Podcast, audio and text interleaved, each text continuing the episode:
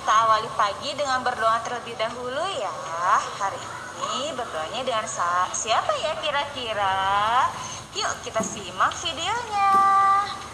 Dan jangan lupa nih isi absen ya sebelum kalian memulai kegiatan hari ini. Jadi setelah berdoa isi absen lagi. Oke? Okay?